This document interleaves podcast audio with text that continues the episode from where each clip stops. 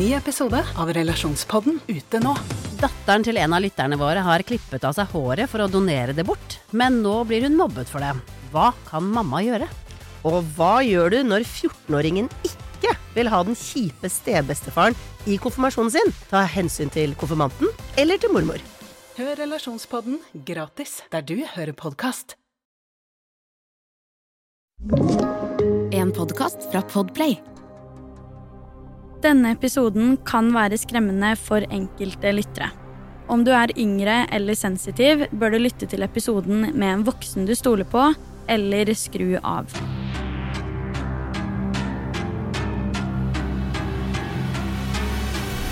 Hei og velkommen til en helt ny episode av Forsvinningsfredag, og til en episode som for første gang på en stund skal omhandle en norsk sak. Dette er nok også en av de aller mest kjente sakene, og den har så ufattelig mange lag. Denne saken tenker jeg at eh, du og jeg kan diskutere litt nærmere sammen på Instagram. Så om du ikke følger podkast-profilen min der, nemlig Forsvinningsfredag, så vil jeg definitivt anbefale deg å gjøre det. Det er nok mange årsaker til at denne saken står som uløst til dags dato, men mange peker ut hovedgrunnen som at politiet og etterforskningen ikke kom i gang før rundt tre måneder etter forsvinningen. Da går man jo glipp av mange viktige spor og også forklaringer fra viktige personer. I tillegg til det beskrives denne saken som et av norsk politihistories mørke hull, da det er blitt begått flere feil i etterforskningen av saken. Parallelt med det så er også dette en av Norges desidert mest omtalte forsvinningssaker på norsk jord. La meg ta deg gjennom saken om 31 år gamle Trine Fransen. Aller først, hvem var egentlig Trine Fransen? Trine var en 31 år gammel kvinne oppvokst i Fyllingsdalen i Bergen, og var yngst av totalt tre søsken. Hun hadde ADHD og blir derfor beskrevet som at hun var veldig høyt oppe, men kunne også være veldig sårbar. Den eldste søsteren til Trine, nemlig Mona, forteller til VGs Krimpod at oppdragelsen deres var veldig streng, men at det hadde mye å gjøre med at de vokste opp i et ganske tungt belasta område med mye rus. Dette gjorde også at da barna kom inn i ungdomsåra, så bestemte foreldrene deres at de skulle flytte bort fra Fyllingsdalen og bort fra det miljøet. Bare noen år senere så blir Trine gravid og føder sønnen Jørgen allerede som 18-åring. Trine er bare sammen med barnefaren i en kort periode, og det tar ikke så lang tid før hun kommer hjem fra Danmark med en ny kjæreste. Denne mannen var en Mona visste om fra før av, da også han hadde vokst opp i Fyllingsdalen. Hun var klar over at han drev med rusmidler, og det tok heller ikke så lang tid før det smittet over på Trine. Som et resultat av dette og en hendelse der sønnen ble sett gående ute alene i bare pysjamasen, så ble sønnen til Trine tatt fra henne. Det kommer til et punkt der Trine selv også ønsket å komme seg ut av det miljøet, og hun ønsket å bli rusfri. Dette fikk hun også til, og var rusfri rundt ett og et halvt år. Og hun fikk da også hjelp av familien sin til å kunne flytte inn i en egen leilighet og virkelig få livet på rett kjøl. I perioden da hun ble rusfri, ble hun også singel, men inne på avrusning møtte hun en ny mann igjen. Mona beskriver han som samme Ulla som han forrige, og hadde en følelse på at han ikke var bra for Trine. Hun sier at herfra gikk det bare nedover. Nå, la oss gå inn i den aktuelle natten som skulle endre alt for Trines nære og kjære. Vi skal til natt til 7. mai 2004. Denne natten er Trine Fransen på en fest i en leilighet sammen med sin egen samboer og noen venner. Politiet kan fortelle at Trine på et tidspunkt har gått ut av leiligheten for å ringe søsteren sin og spørre om hun kan hente henne. I krimpodden til VG forteller søsteren, altså Mona Sørensen, at Trine hadde spurt om hun kunne komme til henne, men da hadde Mona svart nei fordi hun hadde barna sine hjemme, og Trine var rusa. Trine hadde så bedt om hjelp og sagt at om han finner meg, så dreper han meg, hvorpå Mona hadde bedt Trine om å ringe til politiet. Trine hadde visstnok haika ned til sentrum og gitt telefonen til en mann hun haika med. Denne mannen prater da med Mona, og Mona ber denne mannen om å slippe av Trine på politistasjonen, men mannen sier at Trine ikke ønsker det. Mona hadde da sagt 'gjør det'. Søsteren forklarer videre at Trine hadde vært helt hysterisk, hvorpå Mona hadde sagt at hun dessverre ikke kan gjøre noe mer enn å be henne om å komme seg til politistasjonen og få de til å ta hånd om det. Hun hadde jo som sagt begge barna sine hjemme. Dette likte tydeligvis ikke Trine, så hun hadde reagert med å bli sint og legge på. Etter dette er det ingen som har hørt fra Trine, og søsteren sitter med en vond følelse i magen allerede på dette tidspunktet, som var i 10-11-tiden på kvelden. Trine dukker ikke opp og gir ikke lyd fra seg gjennom hele dagen etter. Faktisk så gir hun ikke lyd fra seg på mange dager. Det er ikke før 13. mai at Trine Fransen blir meldt savnet, etter at ingen familie eller venner har hørt et ord fra den da 31 år gamle kvinnen. En eller annen gang mellom 11 og 2 den 7. mai, altså formiddagen etter Trines forsvinning, så dukker samboeren hennes opp på det som heter Strakshuset i Bergen, som er et offentlig tilbud for rusmisbrukere. Her ble han spurt hvor Trine var, men svaret hans var at han ikke ante. Senere den samme ettermiddagen plukker moren til samboeren han opp, og i forklaringen har hun sagt at han så litt småskrubbete ut, og at han mangla sko. Hun mente også at han ikke kom med noe god forklaring på hvor han hadde vært, så hva som skjedde i timene mellom han var på Strakshuset og til han møtte moren sin, er fremdeles uvisst. Velkommen til Kjemperådet! Denne gangen har vi fått inn et kjempedilemma fra en familie. Jeg leser Hei, vi er litt uenige i familien her.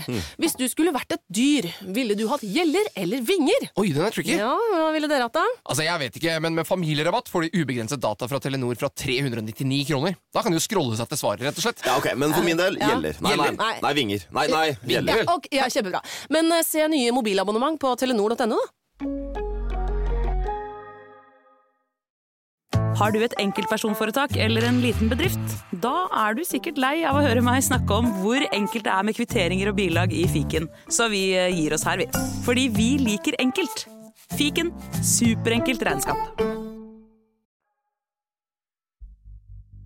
Leiligheten der Trine sist ble sett, blir også ransaket, og her finner politiet flere personlige gjenstander som tilhørte Trine, nemlig busskort, husnøkler og også klær.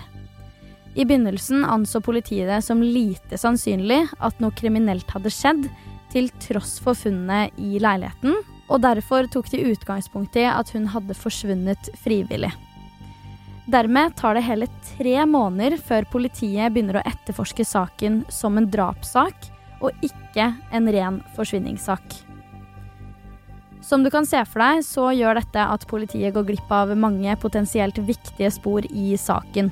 De er usikre på drapstidspunktet, og det er heller ingen som blir dømt for drapet, antageligvis som et resultat av for få biologiske spor. Politiet mener i hvert fall at Trine var tilbake i leiligheten igjen rundt klokka tre på natta, etter å ha vært ute og tatt den telefonen med Mona, og at hun da har gått tilbake inn på rommet der samboeren sin, eieren av leiligheten og en kompis befant seg. Dette er nå bare en antagelse, for i utgangspunktet vet vi ingenting om hvordan verken Trine eller samboeren bevegde seg denne natten, rett og slett fordi politiet ikke sikret info fra mobilbasestasjonene før det ble slettet. I tillegg til det ble heller aldri eieren av leiligheten de befant seg i, avhørt, og han døde også før politiet satte i gang med drapsetterforskning. Utover funnet av busskort, husnøkler og klær, så fant politiet ingen ytterligere spor i den aktuelle leiligheten. Senere viser etterforskningen at samboeren og vennene i leiligheten forsøkte å stjele en lastebil i åttetiden på morgenen, men at de ble tatt for det. Hva var det de egentlig trengte denne lastebilen til? Samboeren og vennene har forklart til politiet at de trengte den i forbindelse med noe narkotika. Ifølge en av vennene som var på adressen den aktuelle natten, så skal visstnok samboeren til Trine ha bedt om å få kjøpe en skinnjakke den aktuelle kvelden. Og vennen ble også spurt om han hadde noen sorte søppelsekker liggende. Denne vennen har da forklart at samboeren fikk skinnjakka, men at han ikke hadde noen søppelsekker. Disse påstandene har samboeren imidlertid nektet for, og det eneste han erkjenner at har skjedd, er at de forsøkte å stjele lastebilen i morgentimene. Han har faktisk uttalt seg om hva som skjedde denne natten, i Bergens Tidende i september 2009. Da forklarer han følgende. Trine sto og prata med noen i inngangspartiet. Jeg satt inne i stua og klarte ikke å se hvem det var, eller hva de holdt på med. Jeg husker jeg tenkte at de holdt på å stjele tabletter fra han vi var på besøk hos. Det var sist gang jeg så Trine. Kan det være en sannsynlighet for at politiet heller burde sett i retning av denne mannen som Trine skal ha haiket med? Er det sannsynlig at forsvinningen ikke hadde noe med de på adressen å gjøre? Og i så fall, hvem var denne ukjente mannen? I januar 2007 utlovet Trines familie en dusør på 250 000 kroner til personen som kunne komme med tips som ville løse saken. Dette er jo også en veldig fin taktikk, men her så man at det resulterte også i veldig mange rykter. Jeg kommer straks tilbake til dem, men politiet har også uttalt at noe av det som har vært utfordrende i denne saken og i flere saker som ligner, er miljøet som offeret var i. Det har oppstått en rekke rykter som har gått i sirkulasjon i dette miljøet, og politiet kan dermed ikke bekrefte eller avkrefte hvor sant det er. Det største ryktet som gikk akkurat i denne saken, var at Trine visste noe hun ikke skulle i forbindelse med et narkotikasalg, og at hun skyldte penger. Dette var visstnok et veldig vanlig rykte i dette miljøet og i lignende miljøer, så politiet tok ikke dette som helt troverdig nødvendigvis. 6.2.2007 blir Trines samboer og kompisen hans pågrepet. Samboeren blir siktet for drapet, mens vennen blir siktet for å gjemme liket. Ha i bakhodet nå at politiet fremdeles ikke har et lik på dette tidspunktet, og det har de for så vidt ikke nå heller. Allerede ett og et halvt år etter siktelsene blir sakene mot dem begge to henlagt på bevisets stilling.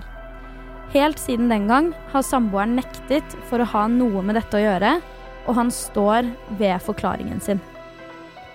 Dessverre resulterer alt dette i at vi i dag ikke har noen flere spor eller mistenkte i saken. Trines lik er aldri funnet, og familien har aldri fått et svar på hva som egentlig skjedde med henne. Personen eller personene som har gjort dette, og eventuelt skjult liket, har definitivt gjort det på en måte for å sikre seg at hun aldri skal bli funnet. Men er det likevel en sannsynlighet for at hun kan bli funnet? Det gjenstår å se. Du har hørt Forsyningsfredag podkast med meg, Sara Høydahl. Tusen takk for at du har lytta til episoden. Jeg er tilbake med en helt ny en allerede neste fredag.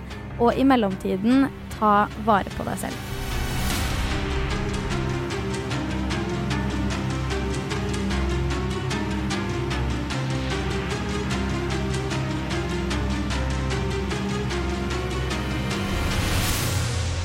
Du har hørt en podkast fra Podplay.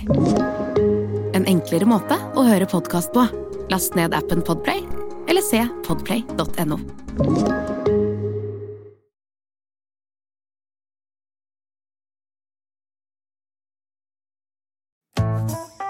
Har du et enkeltpersonforetak eller en liten bedrift? Ikke det? Nei. Nei, men da holder vi det enkelt og gir oss her. Fordi vi liker enkelt. Fiken superenkelt regnskap.